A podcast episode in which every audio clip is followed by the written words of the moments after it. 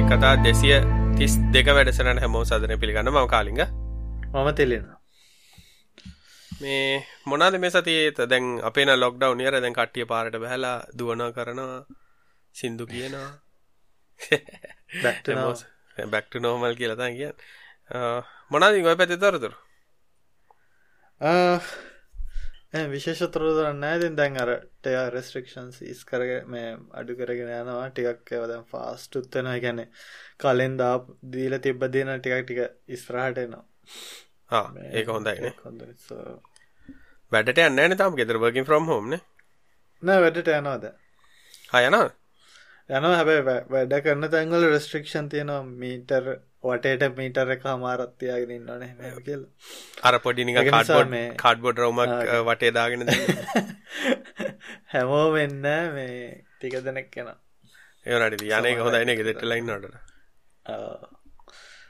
ගෙදරිදන් කොමත්තර work from home කට අර ටිකක් අමාරුනේ දර කල්චරකට වැටෙන්න්න ටිකක් කියන්නේ ගෙදර ළම ඉන්නොට විශේෂයෙන් ඔව එතවටයක් අමාරු මැනේජ් කරගන්න සමහලාට ලේසි අර කටේම එක ඉදද්දිත් සමහර දේවල් කරන්න. ඉතින් එත් එත් බැලුවහම ඉතින් කෙතරි දැන් කරන්න පුළුවන් ගොඩක් ඒවා. එවනත් සමහ වෙලාවට ලේසි මේ ඔෆිස්ස එක ඉන්දද්දී මේ ඔෆිස්ස කෙනෙට්ටක් ඉදදර මේ මොකද ඉන්ටනෙටත් ෆාස්ටයක් ගෙදට වඩා හොඳයි මේ මං අපි මේ කතා කරනට මෙමරි ගැන කතා කරන දැන් හැමෝට තියෙන ප්‍රශ්නයන මේ මෙමරි කම්පියුටරගේ ගොඩක් යස්සෙනවා මොකද අවුලද්ද කියලා. මගේ කම්පියුටේ මම අද තමයි ජීවිතයට හොම මෙමරි යුසෙජ්ජක වෙල මේ දැම්ම මේ ඔඩ සිටරන් කලා ක්‍රෝම් ඕපන් කල්ලා තියෙන අතරේ මගේ රැම් යුසෙජ්ජක වන්ජිබියල්ටත් අඩේ නමසිය හතලිස්සතර යුස්සලතින් එකින් වට හිතේගේ මේ මංජාරෝ එක නාච් ලිනක්ස් කනල්ල එක හොඳයි වගේ කියලා. මෙමරි පාච්ච ඔඩ සිට කොඩුත් දෙනන මේ ගැන අතරේ හොයල බලන්න න. එක මොකක්දේ කොහොම දෙහෙමුණේ කියලා. ඒන්නේ මේ ගාන්ටන රැම්ම එක දැම් ෆෝජිබි තිබත් ඇති වගේ. ලිනක්ස් ගැන කතා කරන්න නිසා කාලික මේ ලිනක්ස් වල පියා ලිනස් පහගේ ලං දෙදසක මැස්සේ ජත්දාල්ති බෑගේ මේ ලිනක්ස් කනල් බ්ලොග් පෝස්ට් එක මේ එය අවුරුදු පාලෝකට පස්සේ මාරුණා කියලා AMD ප්‍රොස්සරයකට MD ත්‍රඩ්රිප 397ටක් ප්‍රොස්සර ඇත්තියෙන කම්පිටර එකට මාරුණා කියලා ඉන්ට වලින්. එයාගේ මැසේජ්ජක තිබේ මේ තාම ආම්වලට නම් මාරුවෙන් හම්බුන්න එවනට අඩුම ගාන ඒම්ඩ එකටවත් මාරුණා කියල දැන් තියෙන තත්ත්ය අනුව.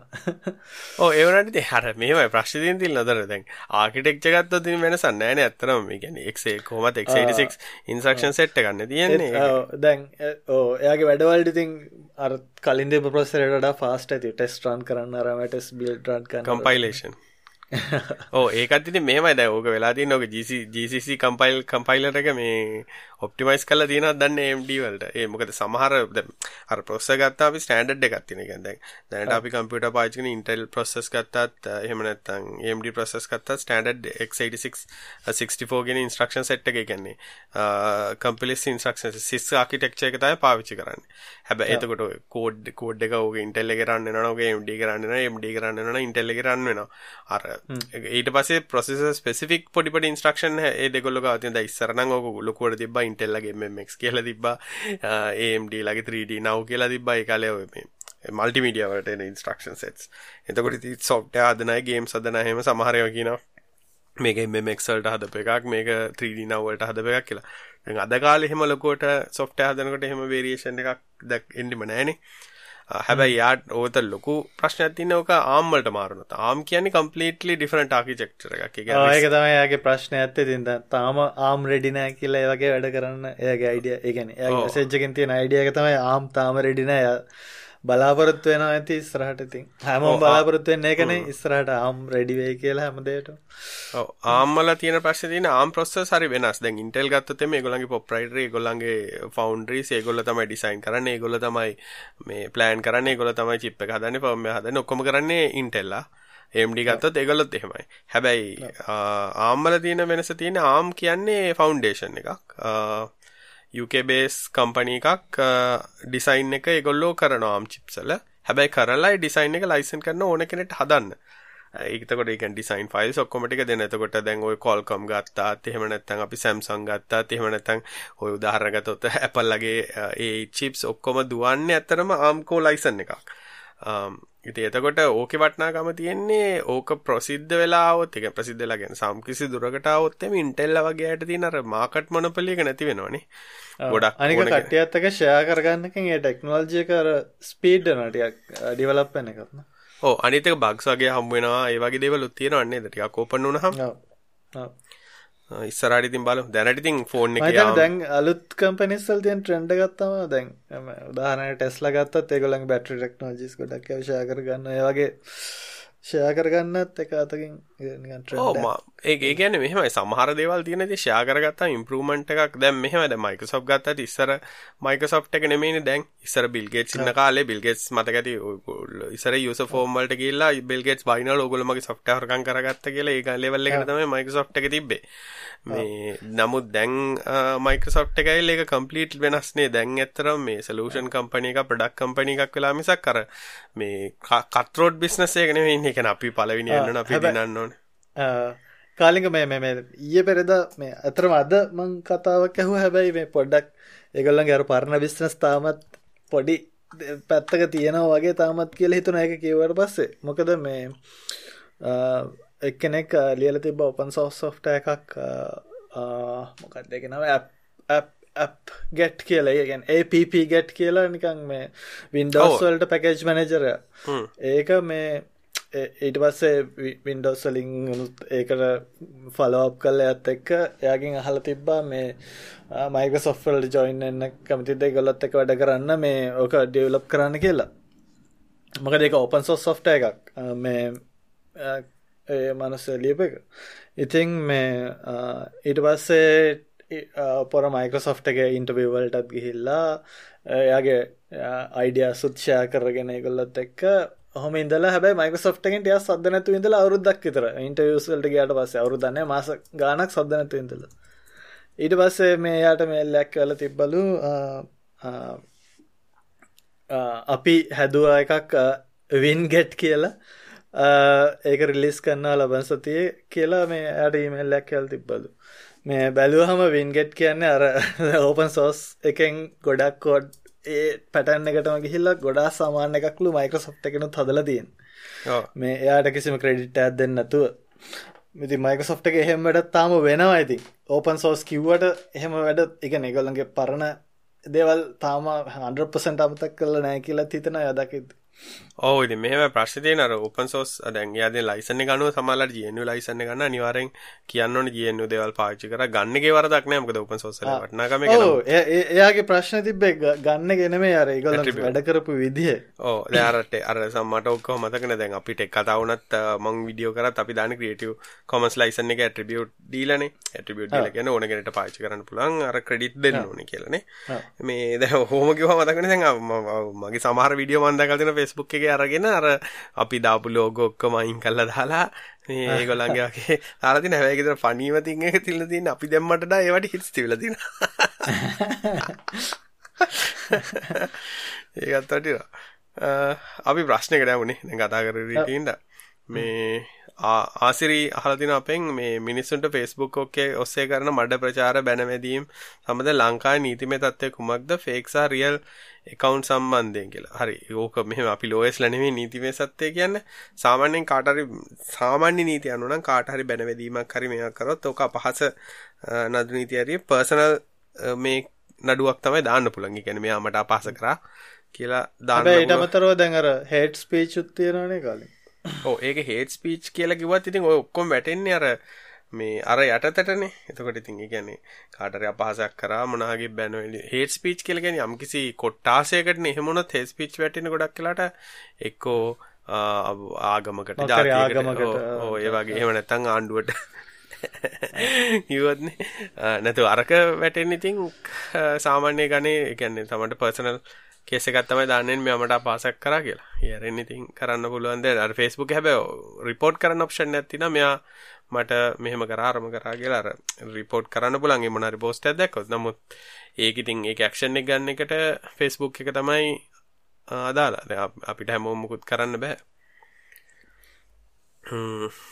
ලෝයල නෙමහින්ද විට මුකුත් කියන්න බෑනේ ලෝ කතා නෙමහින්ද ඊළඟට රුප්පක ඉන්නවනම් කවර ලෝයස්ලේ ගැන දන්න මේ පෝස්ට දන්න පුළුවන්. පෝස්ට දන්න පුල චරිත ඉසුරු අහනවා මේ දැ ගොඩක් කටිවල කොම නම් දන්න කළ මේ ෆෙස්බුක් අපිට කරන්නේ හැම සතියකම ෆෙස්බුක් එක අපි දානවා මේ පෝස්ට එක ඊළඟ පිසෝඩ් එකට ප්‍රශ්නමනක් තියෙන කියලා. තොට පෝස්ට් එක යටින් කමෙන්ටක් විදිර දාන්න පුළුවන්. තමට ප්‍රශ්න මනහර තියෙනවා නම් ඒක බලාගන්න අපේ ටෙකට ෆෙස්බුක් ගරුප් එකට යන්නට ෆෙස්බුක් පේජ්ගනේ ෆෙස්බුක් ගරුප් එකට. යාහනවා most reliable way to store data for long time ඒකන ලොකු ප්‍රශ්නයන්නේ දැනට මනන් දකින්න එහ ලෝන් ටයිම් එකට රිලාබල් ඉදිරි තියාගන්න පරන්න හාඩිස් තමයි. මොකද CD වගේවා DVD හරි කල්පවතින් නෑනේ හාඩ්ඩෙස්ක එකක් නම් පුළ ඒත් ඉතින් අර සාමාන්‍යයෙන් ගොඩාක් කල් තියන් ඉන්නන මීඩියම් දෙකක තියන් ඉන්න එකට වටනම් මොකද එක මීඩියම් එක මොන හරි වුණොත් එහෙම තව එක තියෙන හින්දා. නැත්නම් ඉතින් ක්ලවුඩ් වගේ දාලා තියන්න පුළුවන්. ඒ ක්ලවුඩ් සර්විස් එක වහනකම් මුකුත් වෙන්නේ නැහනේ. ඔව් ඒකත් දැන් සොලියුෂන් ඔව් ක්ලවුඩ් වගේ සර්විස් එක. ඒ ඊළඟට අපෙන් අහලා තිනවා අශාන් අහලා තියෙන්නේ මේ what is the procedure of introducing IT solution for a problem uh, that is currently having in the government? එකෙන් government එකේ තියෙන මාකර ප්‍රශ්නයකට IT solution එකක් කොහොමද දෙන්නේ කියලා. ඒක ගැන නම් මමත් දන්නේ නැහැ. කියන්නේ තමන්ලාට ICT agency ප්‍රැක්ටිකලි ඔක දැකපු ගොඩක් දේ තමයි කට්ටියට කියන්නේ ගොඩක් කාට හරි කියන්නේ අඳුරන කෙනෙක්ට හරි කිව්වත් මේ ගොඩක් අය අර ඒක බලන්න ගොඩක් කල් යනවා කියන එක. කියන්නේ සමහරලාට ඒ ගවමන් සයිට් එක තියෙන ඊමේල් ඇඩ්‍රස් එකට ප්‍රශ්න ඊමේල් කරත් ඒක ගැන කිසිම හෙවිල්ලක් බැලිල්ලක් නැහැ කියලා ගොඩක් කාලයක් යනකම්. මං හිතන්නේ එයා හිතන්නේ එයා ගාව මොකක් හරි IT සොලියුෂන් එකක් එයා හදලා ගවර්න්මන්ට් එකට දෙනවනේ ඒක කොහොමද දෙන්නේ කියලා එයා අහන්නේ. මේ එහෙමනම් ඉතින් ICT ඒජන්සි එකට වගේ කියන්න පුළුවන් මම මේ වගේ ප්‍රොඩක්ට් තියෙනවා මේ වගේ තියෙනවා මම දෙන්න කැමතියි කියලා. ඒ වුණාට ඉතින් ඒක මුදල් ගෙවලා දෙන වගේ එකක් නම් ඒක ගවර්න්මන්ට් එකේ රික්වයර්මන්ට් එකක් ඇවිල්ලා ටෙන්ඩර් එකක් ආවේ නැත්නම් නිකන් මේ තියෙනවා කියලා දෙන එකක් නම් එහෙම ප්‍රසිද්ධියක මම හරියටම දන්නේ නැහැ ඉතින්. ඊළඟට අහනවා දිග ප්‍රශ්නයක් තියෙන. හැමතිස්සෙම මේ හෝස්ටින් ප්‍රශ්න අපෙන් අහන හැමෝම මේ ප්‍රශ්නේ තියෙන්නේ මේ තරින්ද තමයි අහන්නේ. යා කියනවා AWS අරම ඔක්කොම හෝස්ටින් ಜಾති නම් ටික කියලා Angular REST Postgres කරනවා නම් cost එක service එක best for Sri Lankan South Asian target audience එක best for reservation application particular plan in Sri Lankan based business hosting example example ටකස් එක කොහොමද තියෙන ඉක්මන් කොහොමද තියෙන bookings.com අගොඩ තියෙන්නේ කොහොමද මේ Angular UI REST Postgres එතකොට backend එක මොනවද දන්නේ නේ නෝඩ් හරි මොන හරි දන්නේ බාගට තමයි ප්‍රශ්න කියලා තියෙන්නේ. පෝස්කස් කියන්නේ ඩිටබේස් එකක්. ඇංගියුල කියන්නේ ති UI ටික. රෙස්ට් කියන්නේ බැකෙන්ඩ එකත් එක් ඇංගියුල කතා කරන්න විදිහ බැකෙන්ඩ එක මොකදිකල් දන්නේනේ සාමාන්‍යයෙන් ඉතින් මෙහෙම හෝස්ටින්යක් තෝරගන්න කලින් බලන්න ඕනේ. තමන්ගේ ස්කේල් එක සහ ගොඩක් අයට තේරෙන්නේ ඇත්තටම දෙල මෙහෙමයි. මට මට හරි ප්‍රශ්න තියෙනවා. ඒ කියන්නේ අපි මේක 100 ලක්ෂ වාරයක් වුණා කතා කරලා තියෙන්නේ. ඇප්ලිකේෂන් එක ඩිසයින් කරලා ඩෙවලොප් කරාට පස්සේ per user යන resources calculation එක කවුරුත් කරන්නේ නැහැ නේ. යූසර්ලා 100කට අපිට මෙච්චර resources ඕනේ කියලා එහෙම කැල්කුලේෂන් එකක් කරන්නෙම නෑ ඒක නොකරන්නේ දැන් තිල්ලලගේ ඔය ඩිප්ලොයිමන්ට් කරනකොට ඒක ඕගොල්ලෝ එහෙම එකක් කරනවද නැත්නම්? කරනවා කරනවා. කරනවනේ ඒකන ස්ට්‍රෙස් ටෙස්ටක් කරන්නවානේ හෝ ඒක තම පල ටෝල්ස් දැනට සරල ටෝල්ස් කිවොත් නිවරලික් වගේ මොනාහරි වලින් හරි ඒවගේ දෙවල්ලින් බලන්න පුලන්න ඕ නැත්තයිතින් මුකුත්ම ටූල්ලන්න නැත්තන් තමන්ගේ මැසින් එක ඇපලිකේෂන ඉන්ස්ටෝල් කරලා මේ අපාචි අර ස්ට්‍රෙස් ටෙස් ටූල්ලක් හරි දාලා මේ හිටසවල වලන්න පුලට කොහොම රිසෝස් සෙජ්ජක වෙන්න කියලා කොන්කරන් කනෙක්ෂන් සියක් කනට කොහොමද? ඒ වගේ කියලා මේ දැන් අන්න ඒක තමයි මුලින්ම මම හිතන්නේ වෙබ් හෝස්ටින් හරි හොරන්න කලින් කරන්න ඕනේ. කියන්නේ තමන්ගේ රික්වයර්මන්ට් එක කොහොමද? ඒ රික්වයර්මන්ට් ඊට පස්සේ හදා ගන්න ඕනේ ටාගට් කරන ඔඩියන්ස් එක කියන්නේ 100ක් එක වෙලාවට 1000ක් 10000ක් කියලා බැලලා ඒකට අනුව තමයි රිසෝස් එක හදාගන්නේ. ඊළඟට ලොකුම බොටල් නෙක් හිටින්නේ ඩේටාබේස් වල. query optimize කරන්න වෙනවා. ඊට පස්සේ ඩේට බේස්සල ගොඩක් අය අයෝ ඉන්ටෙන්සිව ඇපලිකේෂන් තියෙන්නේ. දැන් AWS RDS වගේ දානවනම් ඊට පස්සේ ඒගොල්ලෝ charge කරනවා මේ යුසේජ් අනුව.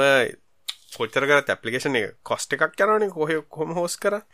ඉතින් ඒවා හැමතිස්සෙම කැල්කුලේට් කරගන්න ඕන. මොකද කොස්ට් එකක් එතකොට තමයි තීරණය කරන්න පුළුවන් මම කොහෙද දාන්නේ කියලා. ඒඩ මොකද නිකන් අර AWS Amazon දැම්මම අර හැමෝම හිත හැදෙනවා වගේ Amazon දාන එක හෝ Google දාන එක හෝ Azure දාන එක නෙමෙයි වැඩේ තියෙන්නේ. තමන්ගේ රික්වයර්මන්ට් එක බලලා ඊට පස්සේ කොස්ටින් එකකුත් බලනවා. දැන් අපි හිතමු දැන් බිස්නස් එක වයබල් වෙන්නත් එපා. ඉතින් අපි ඇප්ලිකේෂන් එකක් හදලා යූසර් කෙනෙක් සර්ව් කරන්න අපිට ඩොලර් එකක් යනවා නම් යූසර් කෙනෙක් ගෙන් අපි ඩොලර් එකක් කොහොම හරි ගන්න ක්‍රමයකට එපා. ඒ කියන්නේ බිස්නස් වයබිලිටි ප්ලෑන් එකකුත් තියෙන්න බෑ ඔව් ඊට පස්සේ එක්සැම්පල් මේ අර ටාගට ෝඩියන්ස් ප්‍රශ්න ඉතින් ගොඩක් වෙලාවට විසඳ ගන්න පුළන් සඩියන් වගේ දෙයක් කරහන ඕ සී අනිවාරයෙන් ගොඩක් බලපාන්න මේ කොහෙද ටාගට ෝඩියන්ස ඉන්න කියනකද ඕ ඇත්තරම මේ හෝස් කර රීජන ෙච්චර දාලන ගැන්ස සිඩියන කනිවා මන ගැන වාර සිඩියන දන්නන එක පපිකේෂනයක් ලෝච් කරන සිඩියන් ඇත පපිකේෂන ලෝච් කරන එක හින්නම මෝඩට ද ලංකාවක් කොහොමද කාලික මේ ජනප්‍රිය සිඩියන් වල තියෙනවද කොට? ඕ කලව් ෆලෑ තියෙනවාක් මයි තියෙන ඔක්කොමගේ තියෙනවා.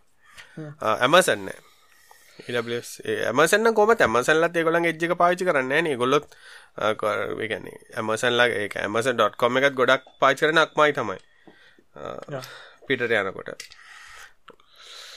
ඒ වගේ පාචිකන පුළන් ඉටසේ පොපිල් ඒ එක වැඩන්නේ හෝස්න එක්සාම්පල් හන ටකස් ටකස්ස ගෙන ගැන මට අනිත්‍යව ගැන කියන්න බැරි ද ටකස්ස ගෙන ඉතින් අපි තනිකර බෑමටල් සර්වස් දුවන් බෑමටල් කියලා කියන්නේ කලව් හෝස්ටිං කාගක තරන්න ඇවි කෙලින්ම සර්ව කරගෙන අපිට ඕනි දිට කම්ෆික කරලා අපිට ඕනි දිට තනි ඩිප්ලොයි කරලතිය අපිට එතකොට ඉතින් ප්‍රශ්න තියෙන්නේ මේ තමන්ට එකන අපි කල්නුත් කතා කර ගැන හා ඒතට ඉන්ෆස්ට්‍රක්චර එකක් මැනේජ් කරගන්න සහ සර්ව ඉන්ස්ටෝල් කරගන්න සර්ව මැනේජ් කරගන්න ටැලන්ට් එකක් තියෙන්න ඕනේ. එහෙම කරහම ඉතින් වෙන්නේ අර කොස්ට් එක ගොඩක් අඩද? AWS අරම ඔක්කොම පාවිච්චි කරන කට්ටිය අර වැඩේ කරන්න අකමැති හින්දානේ. කියන්නේ සර්වර් මැනේජ් කරලා සර්වර් ඉන්ස්ටෝල් කරලා ওই වැඩේ කරන්න හැදි නමුත් කොස්ට එක ගැලුත්තෙන් තමන්ට ටික් කරගන්න පුළුවන්නම් අරගෙන් හතර එකකට තඩ අඩු කොස්ට එකකට කරගන්න පුළුව ලාජ් කේල්ලනකොට ස්මෝල් කේල් යනකොට ඩස කරදාගන්න ලේසිීමකද මේ පොඩියට කරන්නට ඕක මේ මහන්සිත් එක බලට කොස්ටන්න නමු ලාජ් කේල් කරනකොට කරගන්න එක ලබයි. මයිදන්න ඇතිවෙනේ ඊළඟට හල් තියෙනවා නදීර සඳරුවන් හන ටීල් ශ්‍රී ලංකා ටෙලික හැක පහරය ගැන නිවස්ස එක කිව්වාගේ වෙන්න කොහොමද කියලා පොඩ්ඩක් පැහැදිලි කරන්න මෙහෙමයි මේ ගොඩක් අය මේ හැක්කරාගෙන ඉතිල දන්නවත් දන්න SLT එක මේ රැන්සම් වේගයක් ඇවිල්ලා කියලා තමයි ආරංචිය. ආ මටත් ආරංචියක් ආ. ඔව් මෙහෙමයි. ඔව් මෙහෙමයි හැක් හැක් කරනවා කියලා කියන්නේ නම් කවුරු ටාගට් කරලා මොන හරි අනිවාර්යෙන් දෙයක් ගන්න කරනකොට ඒව ගොඩක් වෙලාට පිටට තේරෙන්නේ නැහැ. ඒගැන්නේ හැක් හැක් එකක් කරන්නගේ අපි තෝ දැන් අපි මේ මාව හැක්කන්න මාව හැක්කල මගේ තියෙන ඩේට මොනහරිතයක් ගන්න හැක්කන්න මිස එක පබ්ලිකලි රටවටටම කියන්න හැක්කරගල් හැක්කරන්න ඊළඟට ඉන්න ඩිෆෝම් ටෙලිකොම් එක ඩේට බේසකින් යස ඩේට එල්ලක්කෝටික ඩල්ල ගන්න ඒ වගේ දෙයක් කරන්න. ඊළඟට ඉන්න එක තමයි ක්‍රකර්ස්ල ක්‍රකර්ස්ල තමයි ඔය ගිහිල්ලා මේ අපි හැක්කරා කියලා එක්කෝ ස්ක්‍රප් එකක් දාලා වෙබ් පේජ් එක පේජ් එකක් දාන්න ඒ වගේ දේවල් කරන්නේ. ඊළඟට දැන් මේ ඇතන ටෙලිකොම් වගේ වෙලාට වෙලා තියෙන්නේ මේ රැන්සම්වෑ ටැක්ස් රැන්සම්වෑ කියලා කියන එක තමයි ගොඩක්ම ප්‍රශ්න. දැන් ගොඩක් අය හිතන් ඉන්නවා මේ දැන් ඕක ගැන කොච්චරකවත්. ඒ කියන්නේ මිනිස්සු ඉන්න දැන් මම ගොඩක් කම්පැනිස් එක වැඩ කරනකොට හැමෝම කියන්නේ ආ මොකද අනේ අපි ෆයර්වෝල් එකක් දාලා තියෙන්නේ. හරි ෆයර්වෝල් එකේ තියෙන එළියෙන් එන ඇටැක් එකක් නවත්තන්නනේ. ඔයගලන් ඇතුලෙන් මොකක් හරි ආවොත් මොකද කරන්නේ? මොකද ප්ලෑන් නැහැ. ඒකට හේතුව තමයි ඒ කියන්නේ ගොඩක් හැක් ඇටැක්ස් එනේව ගොඩක් ඇතුලෙන් තමයි ඇටැක් කරන්නේ ඇතුලෙන් ඇටැක් කරනක රැන්සම්වයාහම නික බෝම් විදිහට රකින්කට බෝවි බෝවි යන ඕ එහෙම නැත්තන් ටාගට් කල එවන එක ඊමෙල්ල එකක් වෙන්න පුළුවන්. එමනත ශෝෂල් ඉංජිනීරිංයක් වෙන්න පුළ නැත්තම් මෝඩ යුස කෙනෙක් තමන්ගේ ගෙදරගෙන ලැප්ටප් එක ගෙනල්ලා ඔෆිසට එක වෙන්න පුල ඒ දැ ගොඩක් කලාට ප්‍රශ් තියන්නේ ලැප්ටප්ගේ දේවල් ඔෆිස්සලින් එලියටත් ගෙනනවාන තිල්ලා ඉගැන ඔෆිසේ පාචි කන්න එලියට ගෙනන එලියට ගෙනලා ගෙදර ඉන්ටරට් එකන ගනෙක් කරන්න. එදවට ඔෆිස ඇතුල තිබ ෆිල්ටරින් අරාමය කිසි දෙහන්න සමහලාට පබ්ලික් වයිෆයි වලට කනෙක් කන්න කනෙක් වෙන එතකොට බැරි වෙලා එක්ක ක්‍රැක් කල්ල සොෆ්ට එකක් දාගන්න මාකරි වගේ දෙයක් කරගත්තත් ඊළඟට එන්නේ ඔෆිසර් කියලා ගහපු ගමන් ඔෆිස් එක නෙට්වර්ක් එකට කොපි වෙනවා. දැන් SLT ආරංචි දියට නම් ආරංචි දිට කියන්නේ මම මේක මම දන්න එකක් නෙවෙයි මටත් ආරංචි වෙච්ච දියට හරි වෙන්න පුළුවන් වැරදි වෙන්න පුළුවන්. ආරංචි දියට නම් වෙලා තියෙන ඒගොල්ලෝ කස්ටමර් සර්විස් එක ගෙද ගෙවල් වලට සෙට් කරලා තියෙනවා. ඒ කියන්නේ ගෙවල් ඉඳන් කට්ටියට කෝල් ආන්සර් කරන්න ඒ වගේ දේවල් කරන්න මේ ලොක්ඩවුන් එක අතරේ. එතකොට ගොඩක් වෙලාට දීලා තියෙන්නේ යූසර්ස් ලගේ කම්පියුටර් වලට තමයි ඉන්ස්ටෝල් කරලා තියෙන්නේ. ආ. එතකොට යූසර් කෙනෙක් VPN එක හරහා කනෙක්ට් වෙලා ඉන්නකොට ඒ කම්පියුටර් එකකට ආපු ransomware එකක් තමයි කොපි වෙලා තියෙනවා කියලා කියන්නේ ඒගොල්ලන්ගේ network එකට. කියන්නේ corporate network එක ඇතුළේ. එතකොට ඉතින් Windows servers තමයි ගොඩක් තිබිලා තියෙන්නේ. ඒ ඔක්කොම චකබ්ලාස්. එලා කියලා තාමත් දැන් මම හිතා සතියකට කිට්ටුවේ දැන් තාමත් ඩවුන්. ගොඩක් සර්විසස්. දැන් ඔන්න උතනත් ඔකත් කම්පැනි වල තියෙන ඒ කියන්නේ SLT අපි පැත්තකින් තියමු ඩිසා DR එකක් ඒ කියන්නේ DR ප්ලෑන්ස් තියෙන්න පුළුවන් ඒ උනාට කොච්චර ඉක්මනට සර්විස් කම්ප්ලීට් ඩිසාස්ටර් එකකින් අප් කරගන්න ටයිම් එකක් යනවාද කියන එක තමයි ඊළඟ වටිනාකම. ඒක ඕවා තමයි ගොඩක් කම්පැනි වල ප්ලෑන් කරන්න ඉත්තත් ගොඩක් කම්පැනි වල මෙයා කරන්න ඔතන ජොලිම වැඩි මං ඕක අහලා ටෙලිකොම් එකේ වෙබ්සයිට් එකට ගිහාම තියෙන්නේ ඇන්ටිවයිරස් ඇඩ් එකක් මුලින්ම. ඒක දැක්කම මට ඉනා ගියා. ඒ කියන්නේ කොච්චර මේක ස්ට්‍රෙස් කළකවත් මිනිස්සුන්ට තේරෙන්නේ ඇන්ටි වෛරස් එකක් තමන්ගේ කම්පියුටරේ තිබ්බා කියලා තමන් සේෆ් නැහැ ඒගෙන් ඒගෙන් මන්නන් හිතන මිනිස්සුන්ට අර ෆෝස් මේ සෙන්ස් තමයි දෙන්නේ. කියන්නේ තමන් හිතන් ඉන්නවා දැන් මට වෛරස් ස්කෑන් එකක් තියෙනවා මම සේෆ් කියලා. ඒක දෙමයි අර බොඩිකාඩ් කෙනෙක් යන එක් යනවාගේ තමයි ආ බොඩිකාඩ් ඉන්නනේ මට මුකුත් දෙන්නේ නැහැ කියලා. හැබැයි ඉතින් කාටරි මොන හරි කරන්න ඕන බොඩිකාඩ් බයිපාස් කළා කරා හැකිනේ. එයාගේ නෑ කියන්නේ. ඒ දෙන අර ලොකු කම්පැනිස් වලට ඔක උනාට පස්සේ ලොකු ස්කේල් එකෙන් උනාම හරි අමාරුයි දෙන්නේ. ඔව් ඒ කියන්නේ ඔය රැන්සම්වැර් අර අර ගොඩක් දරුණුවට ආවේ කාලයක් මේ දැන් අවුරුද්දකට විතර කලින් වගේ එතකොට අර මං අහන පොඩ්කාස්ට් එකක් මම මේ කලින් ෂෙයා කරගත්තා මේ ටෙක් කතායකෙත් ඩාක් නැඩ් ඩයිරිස් කියලා. ඒක එපිසෝඩ්ඩ ගත් තිබ්බා මේ මහිතන මට මතක දිරක සෞදි වලද කොහෙද? ලෝක මහිතන එක ලොකුම ඔයල් කම්පැනීකට වෙලා කොච්චර කරදරයක් වුණාද කියලා ඒක ලේක හදාග ඕ ඉති මෙහමන ප්‍රශ්යෙන් තිල ද ඕවාගේ දෙයක් වුණා මුළු සිස්ටම් ටිකම ඩවන්් කරන්න න මොකද අප් කරන්න බෑ. ඊට පස්සේ ඒ සිිස්ටම එක සිිස්ටම එක රිස්ටෝ කරන්න නවා ඔක්කොම සිස්ටම් දාන්න අලු අලුදෙන් දාන්න අලුදෙන් දාන්න නවා ඉති ඒක නිසා අර ගොඩක් කර මනං හරිම අකමද මිනිස්වරක් සෙල්් කදම දැමලා මිද මේ දස ගොඩක් මට ඕගැන කෝල්ලන එක කම්පනල මෙහම කරම රම කරම කියල කස්ටමස්ල දැවනට ඒගොල්ලන්ටත් තර දැන් හැමෝම පලවෙනි දැන් අපේ ෆයිවෝල්ල තිනි අපිට අවුලක් නෑනේද හටේ හට කිලෝලු බිත්තික් ගගන්නදන නෑ ඊළඟට කම්පැනිවල් නොකරන දත්තයි සිග්ම දැන් රිස්ක සෙස්මන්ස් තියෙනවනේ තිල්න දැව දැන් පොඩි කම්පැනිවල් නැති වුණාට සාමාන්‍ය තරම් කම්පැනිවලට හැම රිස්ක් එකක් ඇසෙට් කරන. ඒ කියන්නේ කම්පියුටර් එකක් ගියොත් අපේ සර්වර් එකක් නැති වුණොත් අපේ බිස්නස් ඉම්පැක්ට් එක කොච්චරයිද කියලා රයිට්. ඒකට දැන් ක්‍රිටිකල් ඉම්පැක්ට් තියෙන සිස්ටම් තියෙනවා නම් ඒවා අයිසොලේට් කරන්න ඕනේ. අයිසොලේට් කරනවා කියන්නේ ෆිසිකලි අයිසොලේෂන් එකක් වෙන්නත් පුළුවන්, නෙට්වර්ක් සෙග්මන්ටේෂන් අයිසොලේෂන් එකක් වෙන්නත් පුළුවන්. ඉති ඒවගේ දෙව සවා තවමන් කෝපරේටල් දැකල් තියෙනකත ලෙගසි සිස්ටම් හරියට තියන් ඉන්නවා. සෝෂල් ඩිස්ටන්සිම් වගේ තමයි ගැන ඕ ලෙග සිස්ටම් ගැන පරණ වින්ඩෝස් වර්ෂන්ස් ඇප්ත මොකද ම මේ ගැන කතාගන්නට ටෙක් කතා ගරුප් එක එක්කෙනෙක් මටක දැන් අපිට හෙම කරන්න බෑනි. අපේ පරණ ERP සොෆ්ටය තියෙන ඒවා දුවන්න වින්ඩෝස් සෙවන්නල විතරයි. අර එතනද පලවෙනියම් ප්‍රශ්න. ඉගැන්නේ ප්‍රඩක්් එකක් ගන්නකොට ප්‍රඩක්් එක අප්ග්‍රේඩ් ප්ලෑන් එකක් එක ගන්න මොකද කවන්ටින්නල තියෙන මාකර ඇසෙට් එකක් කම්පනට ගන්නවන කවන්ටින් ප්‍රක්ටිස් එකක. ඒක ඩිප්‍රිශේෂන් එකක් කරන ඒක අවුරදු ද කම්පිට ගත සාමන අවුරු තුනක් තුනකටගේ තම ඩිප්‍රේෂන් වැලි එකක් තියෙන ගැන අපි ලක්ෂ අදදිල ගත්තොත් අවුරු තුනක් ඇතුළත මේක වටනාකම් බින්දුවෙනවා කියලා තමයි කොස්ටින්ට එක කරන්නේ. එතකොට අවුරු තුනක් කරින් පස්සේ මේ කම්පිට එක කැඩ්නො තලත එකක් ගන්න එක කර කැන හයිපදටිකල පිඩික් කල තම එක කරන්න. එක ඩිප්‍රේෂන් කරන ගැන ඇසෙත් ඒක තමයි. සොෆ්ට එකක් ගත්තත් ගොඩක් කරට කම්පනියල ගන්න ඇසෙට් එකක් විදිට සඳාකල් තියාගන්න බෑන එක ඕ එතකොට එතකොට කම්පැනි එකක ප්ලෑන් එකත් තමයි දැන් මයික සොප්ලා අද ගිහිල්ල කියන්න අපි හෙට වින්ඩෝස් නවත්තනවා කියලා. අවුරුදු පහක දායද වින්ඩෝ සෙවන් කියල ගැන මයිත අවුරුදු කියල පහලවා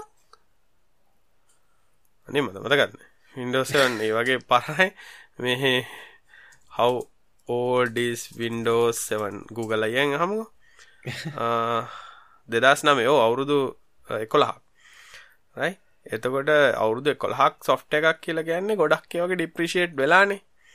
ඉති එතකොට අර අපගේට පෑන් එකක් කරගෙන ඉන්නවන මේ අප්ඩේට් කරන වින්ඩෝ සවර ම දාපු කම්පන ගොඩක් තින දැන් තුදසත්‍රී වගේ දාප එක කොහේ තියන් ඉන්න අර වැඩ කරනවානේ කියලා තියන් මොකද ම පරණ වැඩ කරන්න කොටත් මං ඔෆිසක තුදසන් සවර ගත්තියන්ගට මයිදන්නේ 2014 වෙනකොනොත් තිබ්බා.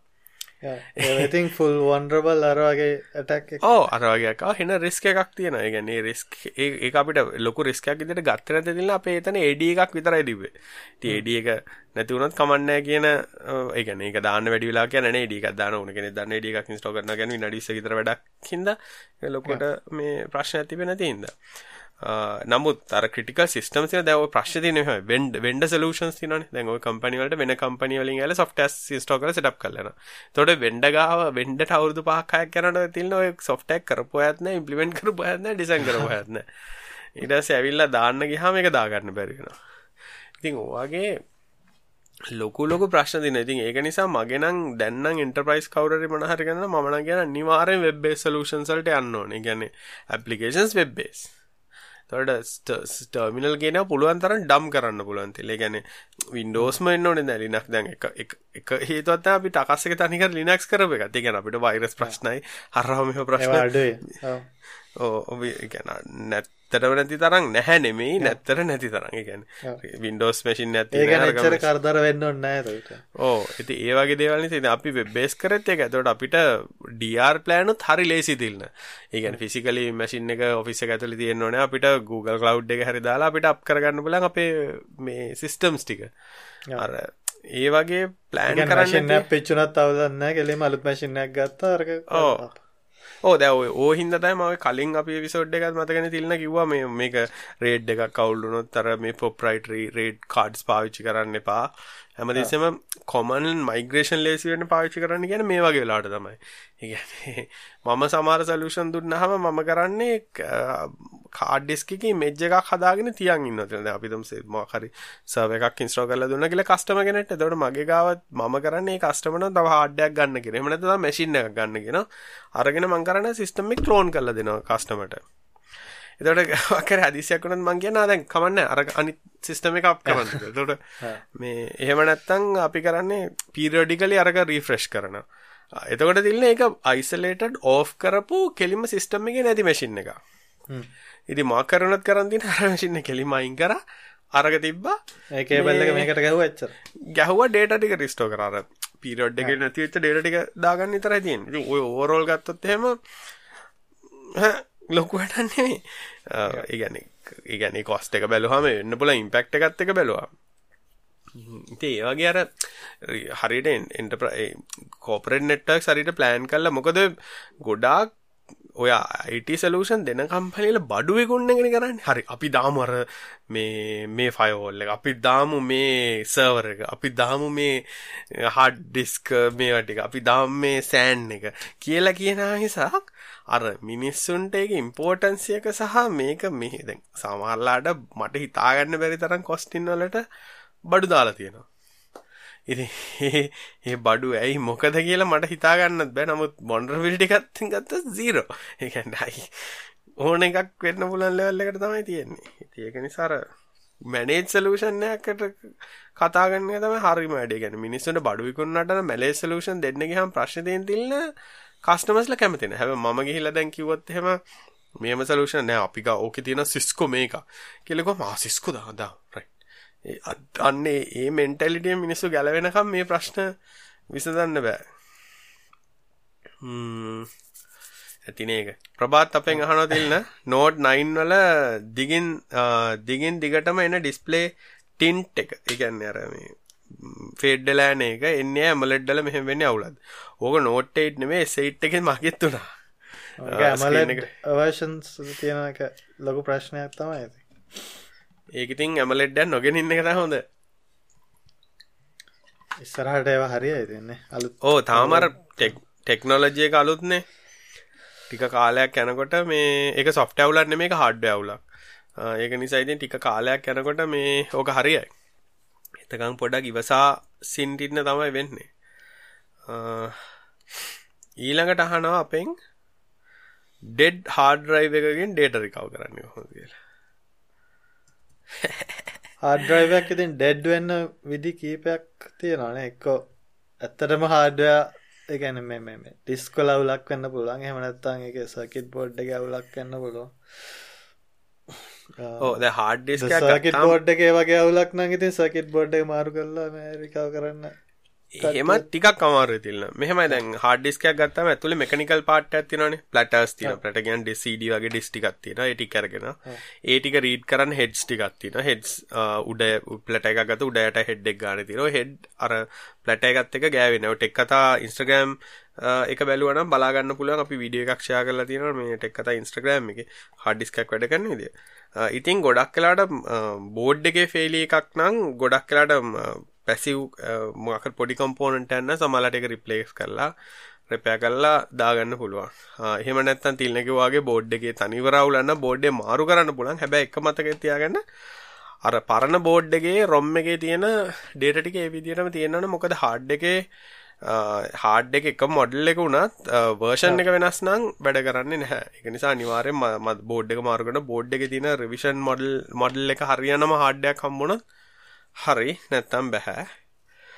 ඊළඟට පලට ඇතුළේ මොනහරි ඩැමෙජ්ජක් වෙලා නම් රිකවරි කරන්න පුළුවන් තැනකට දෙන්න හඩිස් පලටස් ගලවල ගොල්ලො එතකොට රැපෑ කල ගන්න ඒ වගේ වැඩක් කරන්න ඩොල දාහෙන් එහා පැත්තට ලෑස්ති කරන් කරන්න ලංකා ඇතුළේ නම් මම තාම දැකල නැහැ. කරන කවුරු ටිකල් දන්න ටිකල් ඩේට ගන්න ඒ කොස්ට එක බය. තමන්ට ඉතින් කරගන්න නම් හඩි සමලට ඩිස්පලේ වෙන්න ඇත්තං හඩ් එක ඩිටෙක් කරන ඔක්කොම වෙන නමුත් ඩේට පේන්න ඇත්තයි හෙමන ඉතිකොරකුවා හෙම නැත්තං කා මොකක්ද තව තියෙනව මේ ස්ටීව් ගිප්සන්ගේ මොකක්ද ජRCක තියෙන මොකද ස්පින් රයිට් ඒවගේ සොෆ්ට එක පාචි කලතින් චෙක් කල බලන්න පුළුව හඩ් එක නමුත් ඊට වඩා ඩැමෙච්ච ගන්න ඉති මකරි ප්‍රොෆෙෂනල් ඇසිස්ටන්ස එකක් ගන්නනවා කටත් රිදෙනවා දෙන්න නිවස් කීපකුත් තියෙන කාලගේ ඇත ඕ තිල නිවස් ටික් කියවන අපි. මේ කාලෙකට පස්සේ කාලික දැන් දැන් අයිස් 9 කාලෙ වගෙනම් ටිකත් තිබ්බන ජෙල් බ්‍රෙක් හෙමැවිල්ල දැන් කාලෙකට පස්සේ කරන්ට් ලයිවර්ෂන් ඇත්ත වැඩ කරන්න ජෙල් බ්‍රෙක්යක් ඇවිල්ල තිබ්බා. ඊය පෙරේදක මොකද මේ අන්කව කියලා හැකින් ගරුප් එකින් හාගෙන තිබ සීරෝඩ එකක් අයෝස්සගේ මෙදා කොයි කොයි වර්ෂණ එකට වගේ තිල්ල ලේටස්ම වර්ෂණ එකටත් එක වැඩ ගන්න කාලක 13.5 තාමකොල්ල මහිතන්න එක ඇපල්ලට ඇපල්ලට එකොල්ලො කියලනෑ මොකද මේ සිරෝඩ එක විස්තර එක නිසා තාම මේ ඇපල්ලකින් පැච් කරනවා කියලත් තාම නොටිස්ස ගන්න සමහයට සති කීපයක්වත් ඇයි අඩුම ගන මහිත නැපල්ලකට හවාගන්න මේ හවාගෙන පැච් කරලා කොම කරන්න? ඒකොල රිවස් ඉංජිනය කරයින මේ කොල්ල ජෙල් බ්‍රේක් ඒක වින්ඩෝස් කලින් විදිහටම මේ ලේසි ඉන්ස්ටෝ කරන්නත් මේ මැක්කයක් ඕනත් නෑ වින්ඩෝස් සොලත් ඉන්ස්ටෝ කරන්න පුළුවන්. ඊට පස්සේ මේ අර සිඩිය අප් එක ඉන්ස්ටෝල්ලනවා කොම වැඩිවුරට පස්සේ. මහිතන්න එක මේ සෑහෙන්න කාලෙකට පස්සේ තමයි වැඩගන්න වර්ෂන් ඇත්තකම ඉස්තර මතකද මේ අර කට්ටිය අයෝය සබ්ඩෙට් නොකරත් හිටිය මේ ජෙල් බ්‍රෙක් කොල්ට කැමති ජෙල් බ්‍රෙක් ජෙල් බ්‍රේක් කියන කන්සෙප්ට එක හෙනට අඩු වෙලනේ තිල්න්න ඔවු ඉතින් ගොඩක් එක අර කැන අර කට්ටිය ආසාවටත් කරනවානේ. එක එක සොෆ්ටදා ගැන අයෝස්වල් නැති ෆීචස් දාගන්නේ වගේ දේවල්ලට ගොඩක් වෙලාවට ගැන අර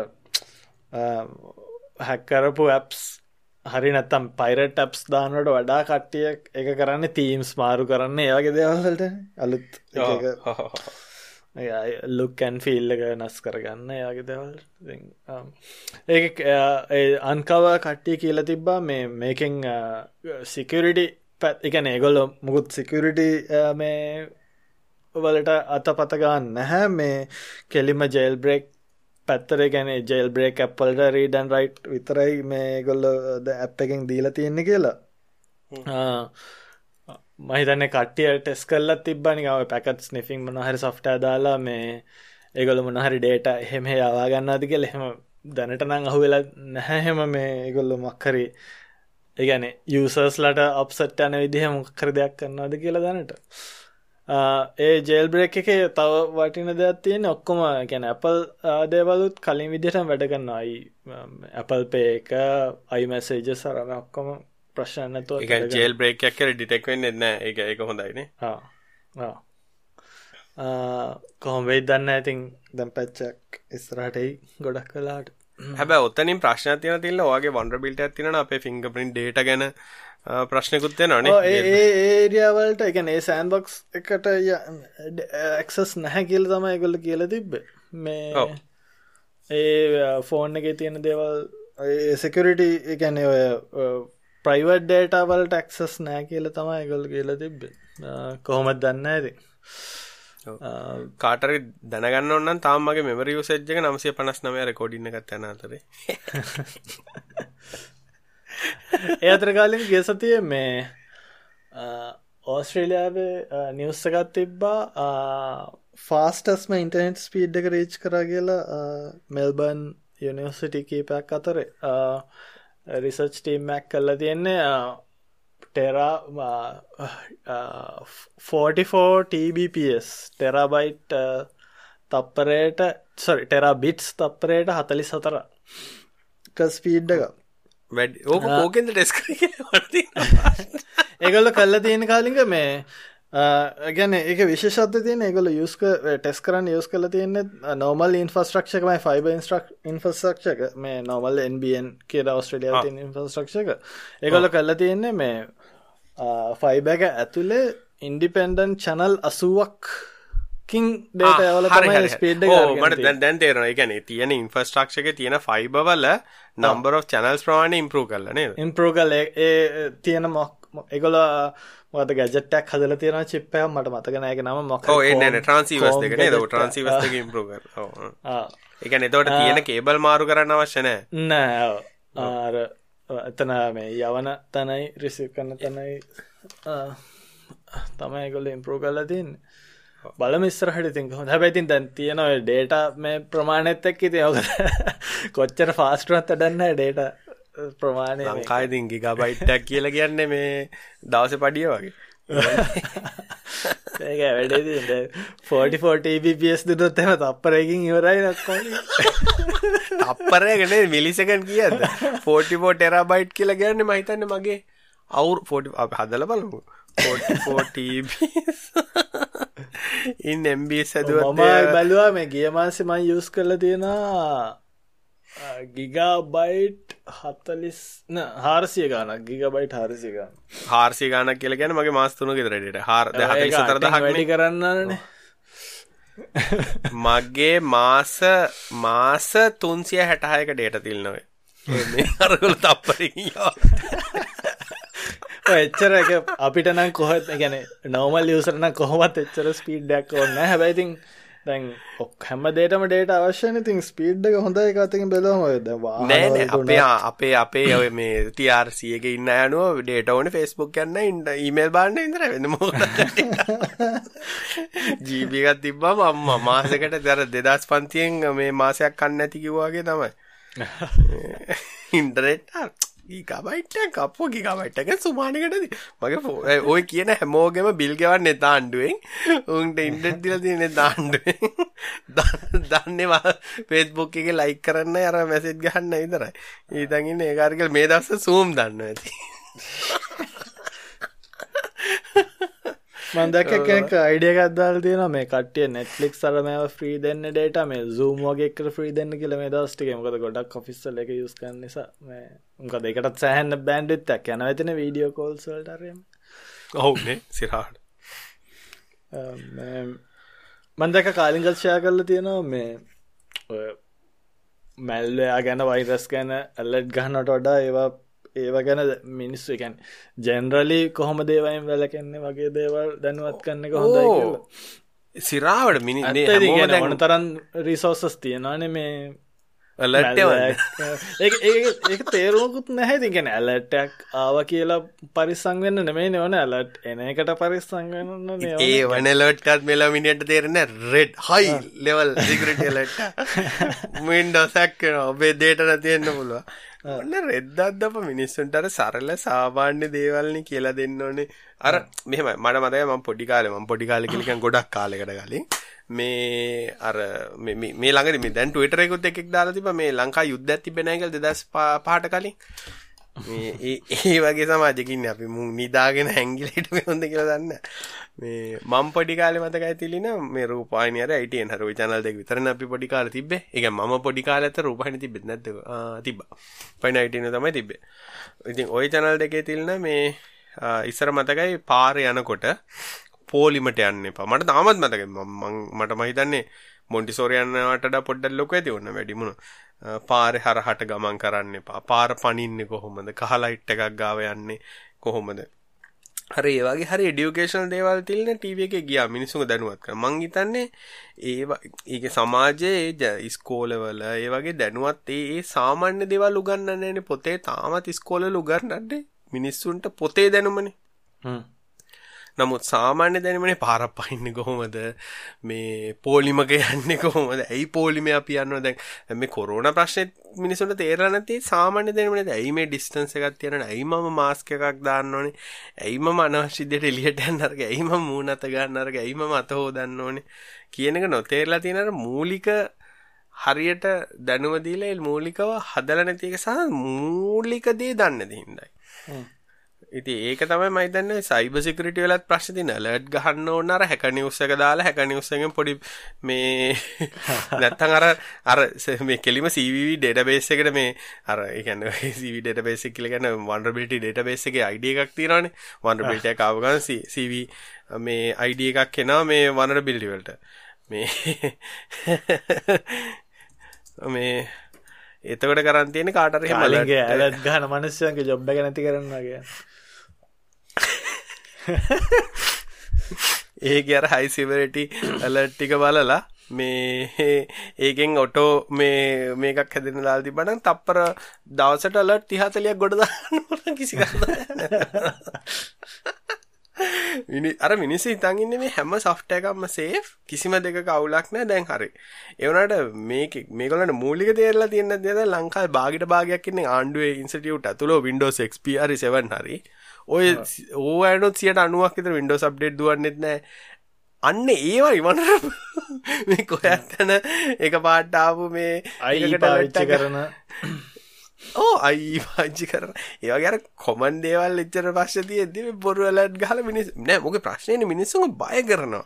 අර කොටියාවෝ කොටියාව කොටියාව වගේ බයකට. හැම දාමනවට මිනිස්සොත් ඊට පසෝක අර නිගලෙක් කියලා නන තිල්න්න හැම දාම එකක් කෙනවනි කියලා දැන් අපි උනත් දැන් අලට්ටක් හම කොච්චරෙන හිද අපි ගණන් ගන්න නෑන ඒක අපි දන්න අපි දැන් මගේ ප්‍රඩක්ට පාචන මගේ අප්ඩේට දානගරි මාකරගන්න හොඳම දේ තම ඔක්කොම සොෆ්ටය ඔට අප්ඩේට් දාලා දීලා අප්ඩේට් එක අප්ඩේට් ඉන්ස්ටෝල් කරලා ඊට පස්සේ බෙස් ප්‍රැක්ටිස් දකින් දකින් ලින්ක් ක්ලික් කරන්න එපා දකින් දකින් සයිට් වලට යන්න එපා දකින් දකින් ඒකට තමන්ගේ ඉන්ෆර්මේෂන් දෙන්න එපා කියන එකනේ බේසික් නොලෙජ් එක.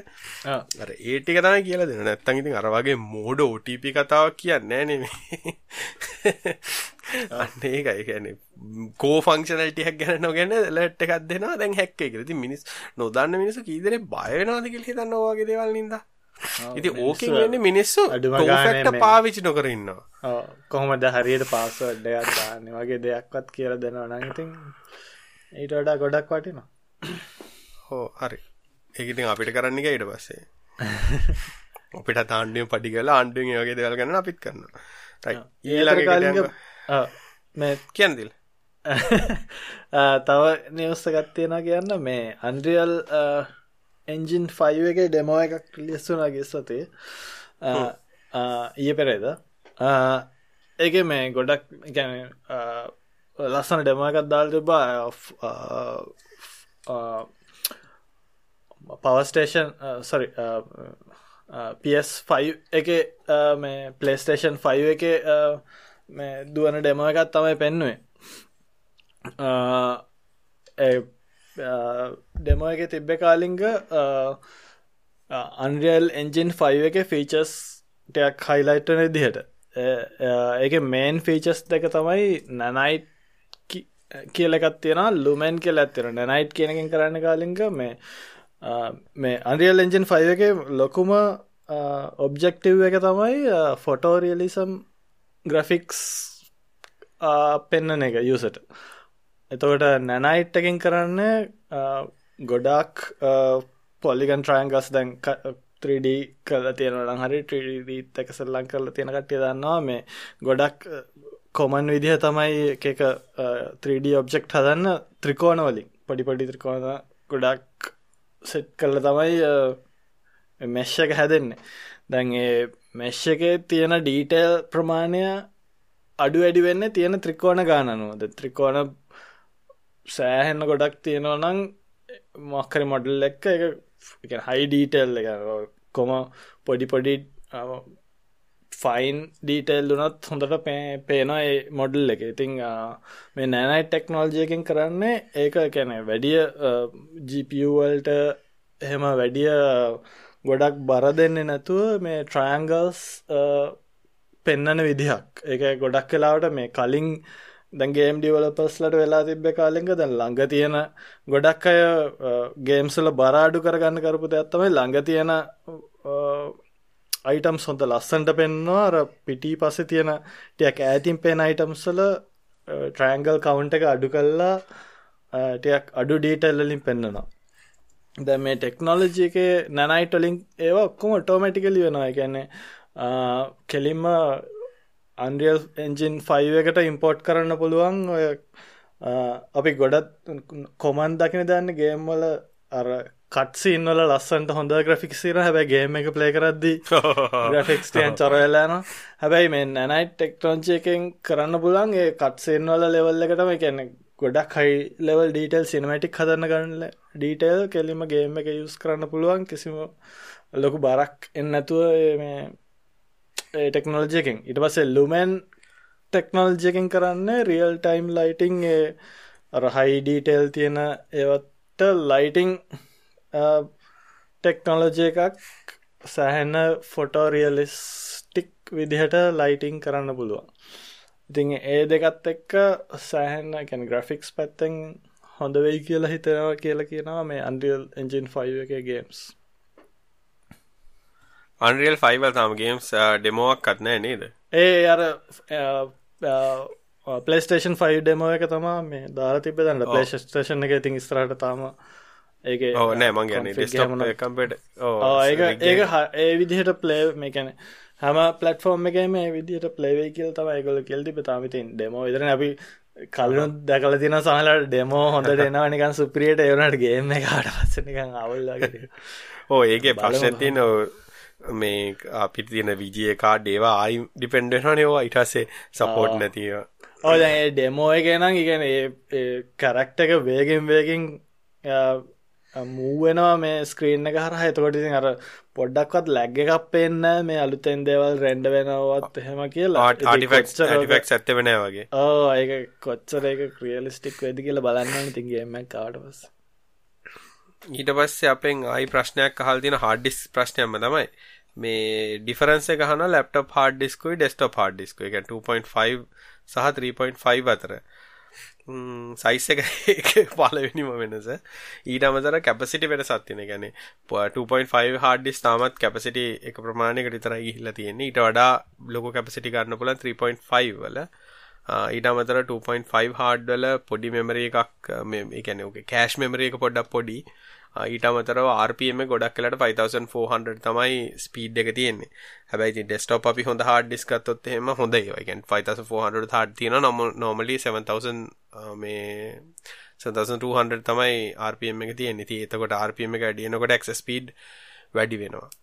හැබැයි රිලයබිලිටි ගත්තොත් එහෙම ඔය දෙක අතර ලොකු වෙනසක් එහෙම කියන්න දැන් නම් ඉතින් එහෙම කියන්න තරම් වෙනසක් නැහැ ගොඩක් හොඳයි. හැබැයි ඉතින් ඕකේ දෙපැත්තක් තියෙන. එකක් තමයි ප්ලැටර් මාස්ක් එක වැඩි මාස් එක වැඩි වෙනකොට ස්පින් වෙනකොට බෙයාරින් වලට රවටේ වටෙන ස්ට්‍රෙස් එක වැඩි හින්දා ඉක්මනට ගෙවෙනවා කියලා අපිට සියුම් කරන්න පුළුවන්. ඊට පස්සේ දැන් පොඩි හાર્ඩ්වල ප්ලැටර්ස් පොඩි හින්දා ඒවෙන් වෙන ඩැමේජ් එක අඩුයි කියලා assume කරන්න පුළුවන්. ඒ වගේම අනිත් පැත්තේ හිතන්න පුළුවන් data density වැඩිනේ පොඩි hard disk වල data density කියලා කියන්නේ ප්ලැටර් එකක් ඇතුලේ තියන් ඉන්නවනේ data ප්‍රමාණය ගොඩක් වැඩි. hard desktop hard disk එකේ ප්ලැටර් එකක් එක බලනකොට. එතකොට රිලයිබිලිටි පැත්ත ගත්ත තයි 2.5 වල data density එක වැඩි හින්දා reliability අඩු වෙන්න පුළුවන් long time වලදී කියලා හිතන්නත් පුළුවන්. නමුත් ඕවරෝල් ගත්තොත් එහෙම ඩෙස්ටොප් හාඩ් එකක් ලැප්ටොප් එකේ පාවිච්චි කරන්න බැරි හින්දා සයිස් ඩිෆරන්ස් එක නමුත් ලැප්ටොප් හාඩ් එක ඩෙස්ටොප් එකේ පාවිච්චි කරා කියලා ප්‍රශ්නයක් එහෙම නැහැ. ඉතින් තමට ස්පීඩ් එක ඕකේ නම් පොඩි ඩෙස්ක්ටොප් හાર્ඩ් ඩිස්ක් ගන්න පුළුවන්. ඇඩැප්ටර් එකක් අර මේ සෝරි ලැප්ටොප් හાર્ඩ් එකට 3.5 කැඩි එකට ඇඩැප්ටර් එකක් අරගෙන මවුන්ට් කරලා පාවිච්චි කරන්න පුළුවන්. දැන් අලුත් කේස් වල නම් ඇත්තට 2.5 ස්පේස් එකක් එනවා. මොකද SSD වලට නේ තියෙන්නේ? මමත් මේ යස් කරනවා. තාම් පරණ මේ ලැප්ටප් එක හාඩයක් එක්ස්ට්‍රා හාඩිස් කැක් විදිහට මේ මොකද පරණ ලැප්ටප් එක තිබ ඩේට ටික හෙම මේක තිය නිසා.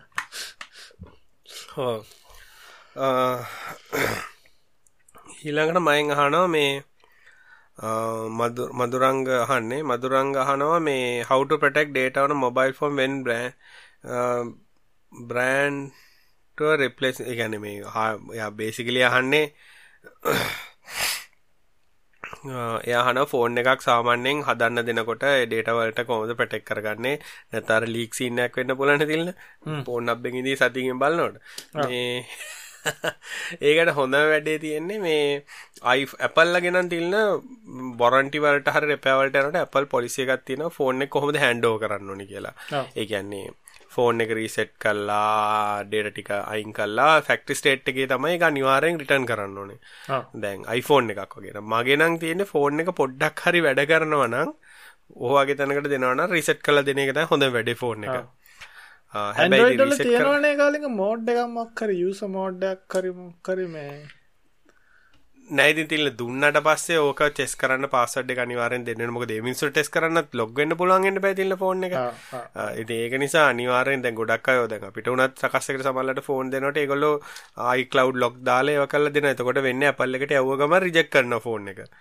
ගන්න බැකල ඉති යුසට එක් අපි පාසඩ් එක හවහම මල පයින හමනත අල්ලොක් කල දෙන්න කිවාම කල්ල දෙන්න. ඉතින් ඒකර ඒගොලන්ට තේරෙන්න මෙතන තියෙන ප්‍රශ්නි. ගැන ඒ මිනිස්සුන්ට ටෙස් කරන්න ෆෝන් එක ලොග්ගන්න බලන්න කරන්න බුලුවන් වෙන්න බයි ඉතින් මොක ඇපල්න රිෆියස්ම කරන්න ඇපල් පොලිසිකම්ම තියෙන ඒගොල ලියලා වරන්ටට හැන්ඩෝ කරන ෆෝන් එක ඔන්න වෙනවනම් කෙලිමටික බැකල කල්ලා එක ෆක්ටරී ඕ මොක හේතු දෙකත් ඒගොල සමල්ලට ගැනල අලුත් ෆෝන් ඇතම අපි දෙන්න කෙල තො ඩේට කොපි කරලා ඒගොලන්ගෙන හැ ඉතින් අනිත් තැන්වලටත් හදන්න දෙනවනම් ෆෝන් එක රීසෙට් කරලා දෙන්න කියලා තමයි මං කියන්නේ. ඉතින් ෆෝන් එක ඔන්ම වෙන්නේ නැත්තම් කරන්න නැහැ. රිස්කයක් අරගෙන එහෙම වුණොත් දෙන්න වෙනවා මේ ඕන්න ඉතින් මෙහෙම වැඩක් කරන්න පුළුවන්. ඉතින් ෆෝන් එක රිමෝට් වයිප් වෙන්න දාන්න පුළුවන්. ඒ වගේ කරන්න පුළුවන්. ඉතින් වැඩක් වෙන්නේ නැහැ නේ ෆෝන් එක ඉන්ටර්නෙට් කනෙක්ට් වෙන්න බෑ රිමෝට් වයිප් එකත්. එනේබල් වෙන්න. ඔව්. ඒක නිසා ඉතින් කියන්න අමාරු හොඳ වැඩේ තමයි ඔන්න එනවනම් රීසෙට් කරලා දෙන්න. වෙන ක්‍රමයක් නෑ ඔක ප්‍රොටෙක්ට් කරගන්න.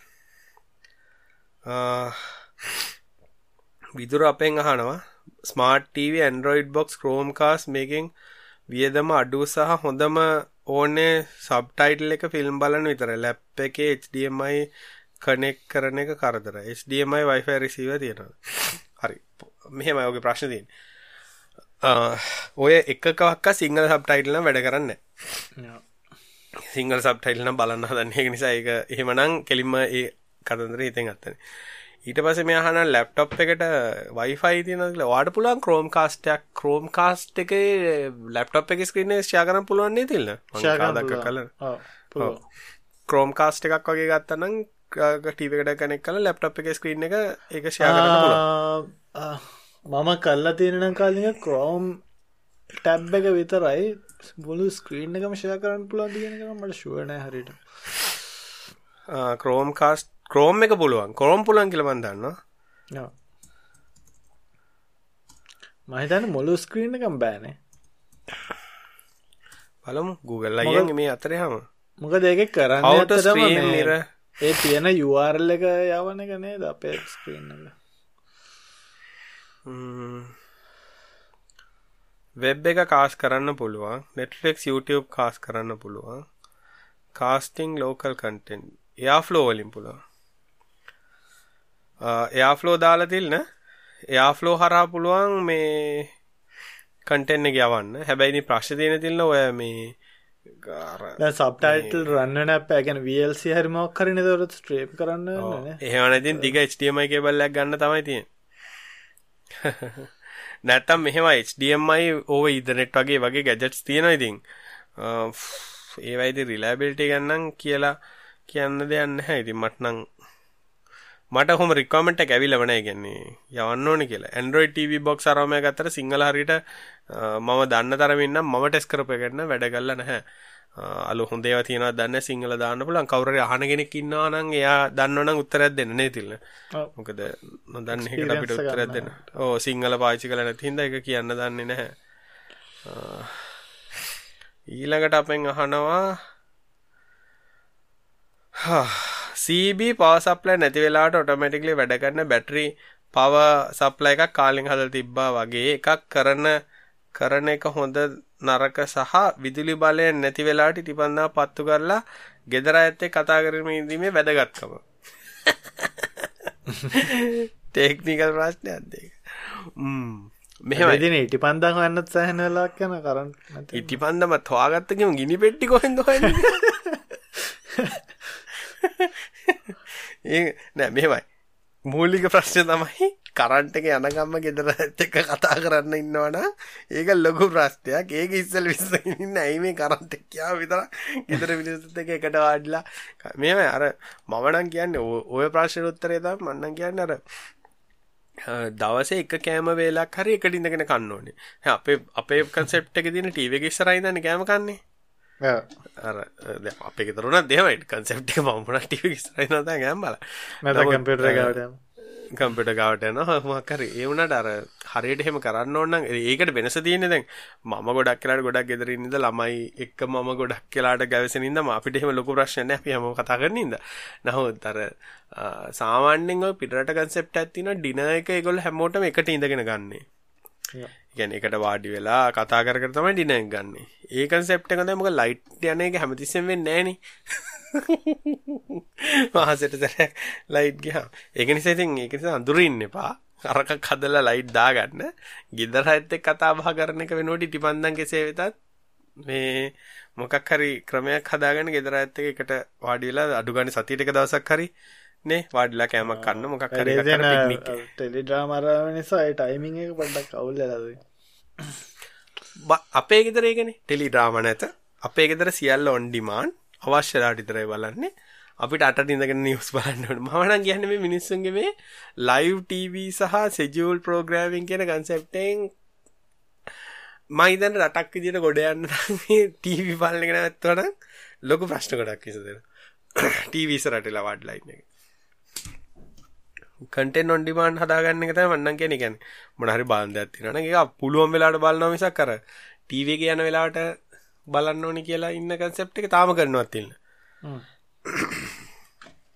තිල්නෙන් බලන්නවද නෑ මම බලන්න ඒකද ඒ කන්සෙප්ට් එකම අපි මන්නම් අවුරුදු ගානකින් අයින් කරලා ඉඳ මට අපිට නෑ ප්‍රශ්නේ නෑ. මොකද අපේ ළමයි එහෙම ලයිව් ටීවී කියලා දෙයක් දන්නෙත් නෑ. ටීවී අර බලනකොට ඇඩ් යනවා කියලා දන්නෙත් අපේ ළමයි ඇඩ් එකක් දැකගෙන මම ළඟදී කල්පනා කරා මේ හක්කු දැන් ඒ කියන්නේ ඇත්තටම මේ එහෙම කන්සෙප්ට් එකක් නේද ඒගොල්ලන්ට ඕන්ලා කායික වැඩ කරනවා කියලා දන්නේ. එහෙමනේ. ඒගොල්ලන් කන්සෙප්ට් එක ආ දැම්ම කායික බලනවා ඊටසේ දන්නවා මේ අලුතෙන් සෙසමි ස්ට්‍රීට් එකක් આવොත් එහෙම ටීවී එකේ තියෙනවා කියලා ඒක බලනවා. අර ඩොට් එකක් ඇවිල්ලා ඉස්සරහට ඒ කියන්නේ ප්ලෙක්සල් අර එනවනේ අලුතෙන් ආපු ඒක හෝම් ස්ක්‍රීන් එකට. ඒකට එකක් ආවා කියලා දන්න. එහෙම නැතු අර හෙට මේක බලනවා, හදවල්ට මෙහෙම බලනවා, ෆිල්ම් එකක් ආවම අම්මා තමයි ආ ෆිල්ම් එකක් දැම්මා කියලා පෙන්වන්නේ. ඒක නිසා අර රන් දෙපෑ බැලිල්ලයි හොටු හූරගෙන අඬනේවයි අපිට ඇත්තටම නැහැ. ඒ කියන්නේ නාට්ටි සිංහල නාට්ටි සිංහල කිසි නාට්ටි කියලා දෙයක් ඇත්තෙම නෑ දැන් උදාහරණකට සමහරවිට මම උනත් මාක් කරි බලනකොට වයිෆ් බයිනවා ඇයි ළමයි ඉස්සරහක බලන්නේ කියලා. හරියට අද උනත් දැන් ගොඩක් මම හිතන්නේ ජනප්‍රිය ඒවා ගොඩක් YouTube එකේ තියෙනවා. ඉතින් ඔන්නම් බලන්න පුළුවන් ඉතින් පස්සලා ලයි බැල ඇත් මංගේදන්නේ ඒ ටීවීවලට ගෙවන සල්ලි අපරාධයක් කිය හැබැයි ඕක දැනු මටත් ප්‍රශ්ඇතය දැටේ දැන් අපේ මගේ දැන් ඊළඟ හඩ්ඩගත් ඉවරයි. තව හෝටරාවයිට හඩ්ඩක් ගන්නට යන ගොස්ට එක බෙදල බැලවාම ටීවීවලට ගෙවන එක ලාවද කියලා තිතන දැන් ෆෝටරාවයිට්ටකන් 20,000 නිතරන හඩ්ඩ එක. 20,000 බෙදීම දොළහ ගත්තොත් දෙහෙම මාසරෙත් දසයිසි හටය මං ගෙවන එක වෙන සාමනින් හඩ්ඩය කවුරුද්දයක් ඉතරමයි තියෙනවා. දැන් ටූටෙරා එකක්. අට සේතිස්තු නම් මාස රේත් කොස්ට එක හින්ටටේන්මන්් කස්ට එක. අපිට වෙන තේරණ තිල්ල වගේ අර වක්‍රව ලොකු වියදන් තියෙනවා. එකන හැම දේකම මාසක හෙම බැලුවහම සයන්න ගානක් පඩ එක කියවට ගීල තිනන නෙට් දැන් අපේ මිනිස නෙට්ලික්ස් කරනවා නෙට්ලික් අරගෙන මට හිතාගන්න බැරි අන්න එතන දැන් ලොකුම ප්‍රශ්නේ තියෙනවා. ලංකාවේ මිනිස්සු පුදුම කෑදරෙන් data වලට data යනවා කියලා කිසි දෙයක් කරන්නේ නැහැ හැබැයි නෙට්ෆ්ලික්ස් බලනවා. නෙට්ෆ්ලික්ස් බලනගේ පට්ට set එකක් යනවනේ. ඒකට සල්ලිත් ගෙවනවා ඊට පස්සේ data connection එක දැන් තියලා කියලා dialog එකෙන් කියලා ඕකත් ගන්න ඕනේ netflix. අරගෙන එතනත් දෙන රුපියල් 4000ක් විතර මාසෙට ගෙවනවා. ඊට පස්සේ වාහන ගෙදර තියන් ඉන්නවට ඉන්ෂුරන්ස් එකයි අරක් කරගතලා මගේ අම්මෝ ඒකනම් මාර ප්‍රශ්නයක් ඉන්ශුවරන්ස එකයි. ඊට පස්සේ සර්විස් කරන්නත් එබැයිති තියන් හිටිය කියලා මාසයින් අනිවාරෙන් කරන්න ඕන්නේ ඒක ගතිවේ නැත ටයර දාන්න ඕනේ සිරාවටනේ මේ අපි නිකන් අර ජීවත් වෙන්න මුදල් ගෙවනෝනේ අදට ඇතිනේ තමයි කටරිද මේ කාලික මේ කට්ටියට පුළුවන්නම් බලන්න මේ. දැන් පහගිය ඊය මට ඊන ඊය තම මේ ස්පේසෙක්ස් අර පළමනි වතාවට ඇත්තටම මිනිනොට් ලැක්ක මේ අයිස් අයිස් ඉන්ටර්නශල් ස්පේස් ටේෂන් එකට යන්න හිටිය හැබැයි කාලගුණය කියන්නවා බෑන්වෙයි කාලගුණය හරස්තුනා වැඩට දැන් අප ඒක දාලා තියෙනවා ඉරිදට. මහිතන් ලංකා වෙලා වෙන්න සඳු දව්දේවෙන්න ඕනේ. එච්චර මේ ලේසි වෙලාවන්න මේ ලංකා වෙලා එම දෙන සන්ද උදේ පාන්දර වගේ වෙන්න ඕනේ මේ ඇමරිකාවේ රිද හවස කියන්නේ නේ විශේෂත්වය තමයි ඉතින් පළවෙනි වතාවට කමර්ශල් කම්පැනියකින් මිනිස්සු එක ස්පේස් ට්‍රවල් කරන්නේ බල මොකද වෙන්න කිය දැන් ස්පේසෙක් ඇහැන් දුරක් ඇල්ල තියෙන දෙදස් එකලු පටන්ගත්තේ දැන් වැඩි කාලෙකුත් නෑන දෙදස් එදන අවුරදු විස්සක්වත් නෑම හිතන් ස්පේසෙක්සල්ටද ස්පේසෙක්සල්ට තිල්නට ඉන්න දාලා දෙන්නම් අවුරුදු දහටක්. මහිතන්න මුල්ලි මේකොල්ලෝ අයි ඉන්ටර්නශල් ස්පේස් ටේෂන්යට බඩු යවන්න පටන් නිකං කාගෝ යවන්න පටන් ගත්ත දෙදස් දොලහිද වගේ මට වන්තක දියට ඊට වස්සිතිං දෙදස් දහට හැරි දෙදස් දාහත අන්තිම් වෙද්දී පළවෙනි රියසබල් බූස්ට්‍රගත්තක් uh, කරකටයක් යව්ව. මොකද uh, ස්පේස් එක් පටන්ගන්නයි පටන්ගන්න මූලිම කාරණා වෙලා තිබ්බේ මේ රියසබල් බූස්ටස් එක් ස්පේස් ට්‍රවල්වල්ට යන්න කොස්ට එක uh, අඩු කරගන්න කනේ දැන් ඉතින් ඒක කාගෝ ගෙනියන ස්ටේජ්ජ පහු කල දැන් ඇත්තම ඇත්තටම කැන මිනිස්සු යන්න ලෙවල් එකට ඇවිල්ල තියෙනවා. Um, පලවෙනි මේ මිෂන්න කෙනම ඩෙමෝට ඩෙමෝ වන්න එක කරේ මිනිස්සු නැතුව. ඒක ප්‍රශ්න නැතුව හරියට වුණා. කවුත් දන්න නමදාල් තියන්නකොටනේ බලම ඉතින් මොකද වෙන්න කියලා හිතන්නේ සාර්ථකයකල්ලො කරයි ඒක. ඊට පස්සේ ඉතිං මාස් සිහිනය කොහොම වෙයිද කියලා. මාසල්ට යන තිල්ලට සංසයකම්මන යන දොක්කොම දාල බෑනතිල් ළමයි වදාලයන්න ඒමතොත් මුත් කරන්න දැන් මහිතන්න මේ යන ස්ට්‍රනට යනගල් තිරන කල මට මාස්ගීල්ල එන්න තිබත් කිසි කරදරන්නට බ කන්න බොන්න තුන් දෙෙනවා. ජොබ් එකක් කරන්න ඕනෙන්න ජොබ් එක අද දැම් මේ ඇස්ට්‍රනොට්ල දෙන්න ගැන හිතුවත් ඇති ඒකොල්ල ලොකු රිස් කියන්න ගන්න පලවෙනි වතාවට ස්පේසෙක්ස් ගැන කවුරුත් කලින් ගිහිල්ල නැති ඩ්‍රගන් කැප් අනික අනික ඔක්කොට වඩ ඊලාන් ඊලාන් මස් කද එක. පරමහිතන මේ ළඟදී කතාගත් කියල් තිබ්බ. මේ එයා හිතුවම මේ ස්පේසෙක්ස් ෆෙල් වෙයි කියලා කියලා. මොකද පලවෙනි තුනම මහිතන්න මේ පලවෙනි තුනම හරි කියන හතරවෙනිගෙන් හැබැයිතින් ලෝක පලවෙනි ප්‍රයිවට් හෙල් කම්පනයන ඕකන සියට හැත්තක කොමර ඊලන් මස්ට මජම් මට මතකදිට මේ කම්පනේ සියට පනස්ස තරද්ද හැට තරද්ද ගොද ඕන ශිප් එක දෙනවා. තාම. ඕ දැම් ඔය වැඩේ කරේ ඉතින් නාසකට ගොඩස් සල්ලිතුර කරගන්නනේ නාසකෙන් නාසකෙන් ස්පේසෙක්සකටයි බෝයිං වලටයි දුන්න. සල්ලි මේ මේ commercial flight space travel develop කරන්න. එකෙන් මහිතන්නේ නාසකට ඇන වේදමෙන් සියට සෑහන සුළු ගානත් තමයි යන්න මේ කම්පෙනිස්සල්ට මේ වැඩේ කර ඒ අන්ඩුවෙන් ප්‍රයිවටයිසේෂන් අර අපේ රනිල් එක කාලයක් ඇලක කොනකි නම් ප්‍රයිටයිස් කරගෙන ගයාවගේ තමයි. දැම එක්ගේ තියෙන පරුවන් ටෙක්නෝජක දැන් අර බූස්ටස් රියස් කන්න එක. ගොලන කියන්නේ එක බූස්ටරකින් ලෝංච සියක් කරන්න පුලන් කියලා. තාමිති එච්චර ලෙවල් එක්කට මේ බූස්ට සියස් කල නැති වුණත් දැන් ඉස්සරහට ඒගොල්ලන්ගේ ස්ටාලිංක් ප්‍රජෙක්්ට ගත්තක් ඉති ලෝංචස්තාවතාව වැඩි වෙන වැඩිවෙයි ඇත්තන වතන මර ගොඩම් වටනාකමද රියසබල නිස්සර වෙලාදී රොකට්ටය ඇවෝ ගමන් ඒ කොස්ට එක කෙලිම වතර. ඇත්තර මතුරන්න වැට සිරහාට අද තව නිවස් තියන තිලෙමෙන අදට එපම එනම් අපි ලබ සති හම්බෙමනේ සුභ සතය සුභ සතිය